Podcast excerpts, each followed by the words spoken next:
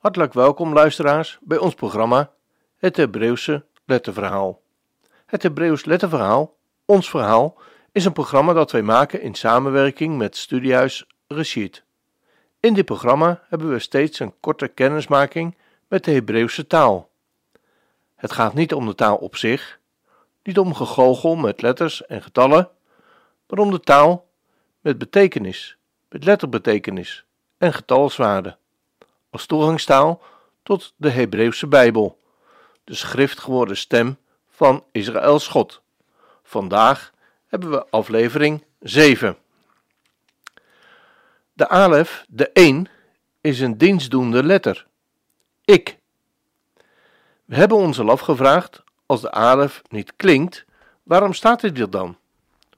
Voor ons taalbesef zou deze letter, omdat hij niets zeggend is tussen aanhalingstekens, evengoed weggelaten kunnen worden, zoals wij in het verleden wel hebben gedaan met de nietszeggende ch.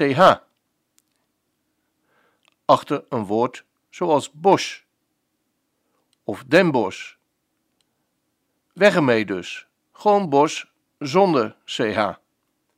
Maar zoals gezegd, voor een Hebreeër is zoiets ondenkbaar, omdat elke letter, afgezien van de klankwaarde, een eigen unieke betekenis heeft, die de betekenis van het woord waarin hij voortkomt mede bepaalt. Zo zou bijvoorbeeld het woord Adam, mens, wezenlijk worden beschadigd als de letter Alef, die een verwijzing is naar de relatie met de een, zou worden weggelaten.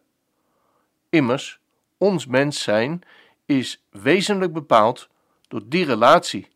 We zijn meer dan vlees en bloed. Meer dan dam. Maar, behalve een zinvolle functie voor de woordbetekenis, heeft deze nietszeggende alef ook nog een bijzondere grammaticale functie.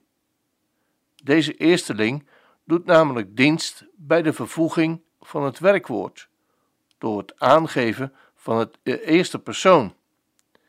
In het Hebreeuws worden persoonlijke voornaamwoorden ik, jij, hij, die bij ons los in de zin staan, door middel van zogenaamde dienstdoende letters vastgekoppeld aan de woordstam, waardoor er een geheel nieuwe woordvorm ontstaat.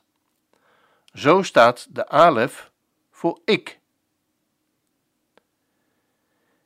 Het is treffend dat juist de alef dienst doet bij de eerste persoonlijke onthulling van Gods naam in Exodus 3, vers 14.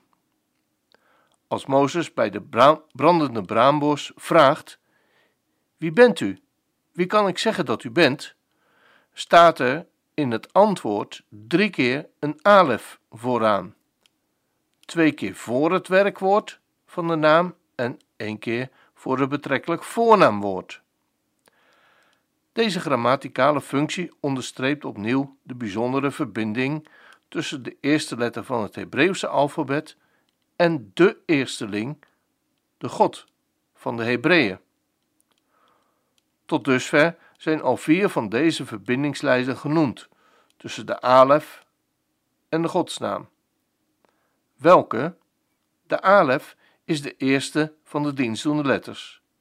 In totaal zijn er elf Hebreeuwse letters die naast een zinvolle betekenis, eigen betekenis, ook een grammaticale functie hebben. Tot deze dienstdoeners behoren ook de jad, de vaf en de he.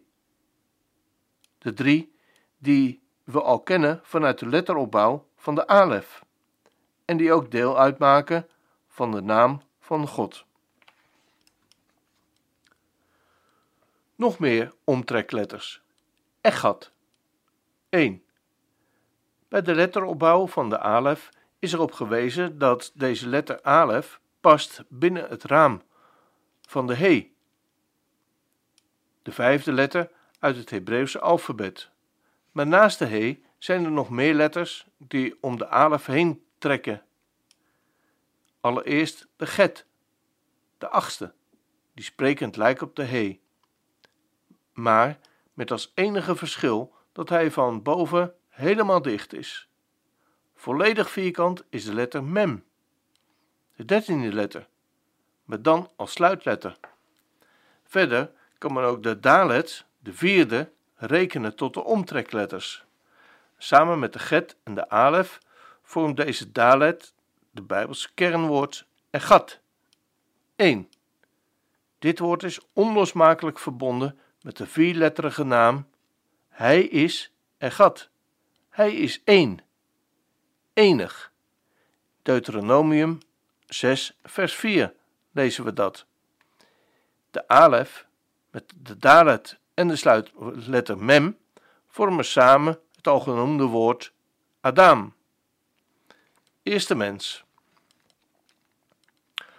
Alle Hebreeuwse letters passen binnen het raam van de vierhoek of binnen de letter He, maar enkele, waaronder een paar sluitletters, steken aan de onderlijn, de 1, de lange lamet, de twaalfde uit de letterrij, breekt door de bovenlijn. De lamet is een veelzeggende letter die verbonden is met de uittocht uit Egypte. We komen daar nog uitvoerig op terug. Maar samen met de alet is de lamet karakteristiek voor het Hebreeuwse woord God. El, of in mooi meervoudsvorm Elohim. De lange letter A-lamet in het woord Elohim symboliseert dat God een grootheid is, die door onze bovenlijn heen breekt, die onze hersenpan ver te boven gaat. Wanneer tussen de alef en de lamet een jat wordt ingevoegd, de jat van de vierletterige godsnaam en van Elohim, vormt zich het woord Ajil, offerlam, symbool van zelfovergave liefde. Zelfovergave is het, wede, is het wezen van Israëls God. Het woord El, Elohim, is, evenals de eerder genoemde woorden die met een alef beginnen, Echad, Adam, te karakteriseren als letterwoorden. Wat is een letterwoord? Dat is een woord waarin duidelijk iets doorklinkt van de letter betekenis. Alef betekent eersteling. En die naam klinkt door in Elohim. God is de eerste. En in Egat, één. En in Adam. Adam, de eerste mens. Zo zijn er meer betekenisvolle Alef-letterwoorden. Abraham is de eerste die het geboortehuis Ur verliet en op weg ging naar het land van de belofte. Tot dusver is al zes keer gezegd dat er een bijzondere band bestaat tussen de Alef en de godsnaam. Jot, He, Vaf en He. Op zes manieren zijn deze twee met elkaar verweven.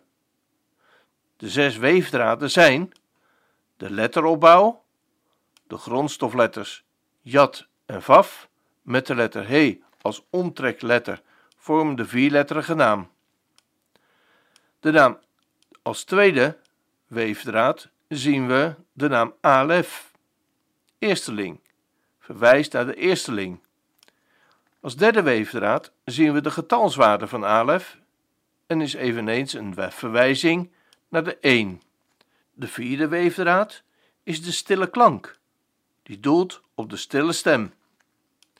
En de vijfde weefdraad is de grammaticale functie van de alef als persoonlijk voornaamwoord ik, die verwijst naar hem die zich de ik ben, die ik ben genoemd heeft. En de zesde weefdraad is de drie kernwoorden uit Deuteronomium 6, vers 4. Elohim, Echad en Adonai is een aanduiding van de godsnaam die beginnen met de alef. Maar er is nog een zevende weefdraad, ook weer samenhangend met de getalswaarde. Want als elke letter tegelijk getal is, heeft ook elk woord een getalswaarde. De som van de letters is de letterwaarde van een woord. Zo is de som van de vier letters uit de godsnaam het getal 26. Jat, de tiende letter, is 10. He, de vijfde letter, is 5. Faf, de zesde letter, is 6. En He is, is 5. De stom van de grondstofletters in het skelet van de alef zijn ook 26.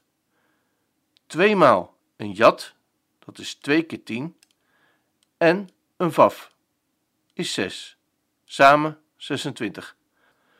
Zo gezien zijn de alef en de godsnaam niet van elkaar los te denken. Tot zover aflevering 7. Mocht u meer willen weten of geïnteresseerd zijn in meer informatie over de Hebreeuwse taal, dan verwijzen wij u graag naar de website van Studiehuis Rashid www.studiehuisrashid.nl U vindt daar alle benodigde informatie op een heel toegankelijke manier kennis te maken met het Hebreeuws. Nieuwe afleveringen van dit programma vinden plaats op maandag, woensdag en vrijdagmiddag om 3 uur. Voor herhalingen van dit programma ga dan naar www.radioisrael.nl Radio Weekprogramma.